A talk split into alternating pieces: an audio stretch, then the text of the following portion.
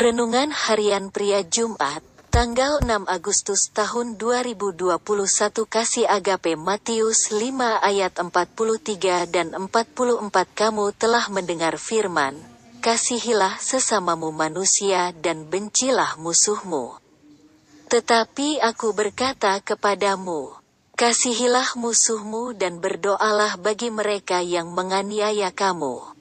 Hukum yang lama yang telah ditetapkan oleh para rabi Yahudi adalah mengasihi sesama manusia dan membenci musuh.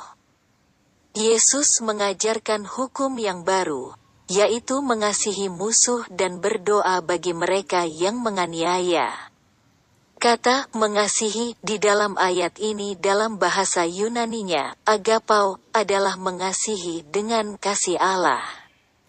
Ada beberapa kata kasih di dalam bahasa Yunani, storage, yaitu hubungan kasih dalam keluarga.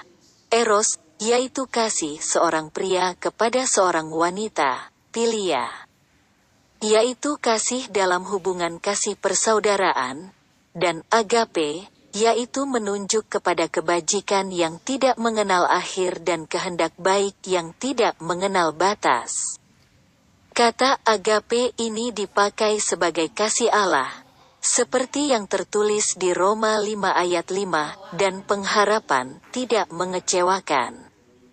Karena kasih, agape, Allah telah dicurahkan di dalam hati kita oleh roh kudus yang telah dikaruniakan kepada kita.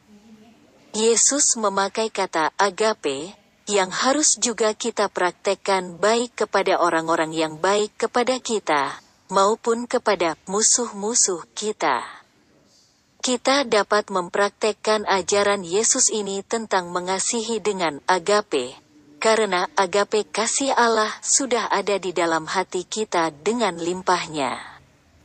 Dan juga kita harus mendoakan musuh kita agar ia dapat mengalami kasih Tuhan. Refleksi diri, apa yang firman Tuhan katakan kepada Anda?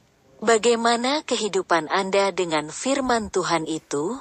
Catat komitmen Anda terhadap firman Tuhan itu. Doakan komitmen Anda itu, pengakuan imanku, dengan pertolongan Tuhan saya membagikan kasih Allah kepada siapa pun juga.